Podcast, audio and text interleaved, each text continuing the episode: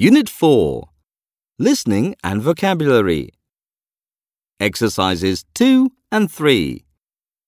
Listen to Tom talking about the school. Hello, my name's Tom, and I'm a pupil at the New Bank School of Performing Arts. It's a really good school, and the teachers are great.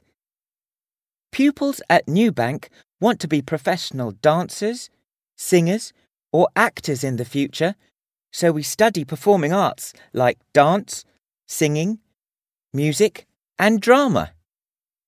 As well as performing arts, we also do regular academic subjects like maths and English. Our teachers tell us it's really important to do our academic schoolwork and pass our school exams. The timetable at Newbank is different from a normal school. Classes start at 9 o'clock in the morning and finish at 4 o'clock in the afternoon. We have a lot of classes and a very long day. We have three classes in the morning and three classes in the afternoon.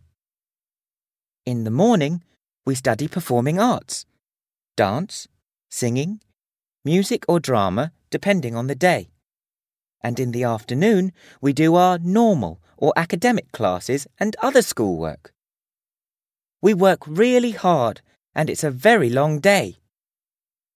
In the evening, we do our homework, so there's no time to relax.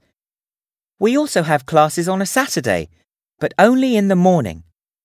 I like the classes, but I'm really tired at the end of the week.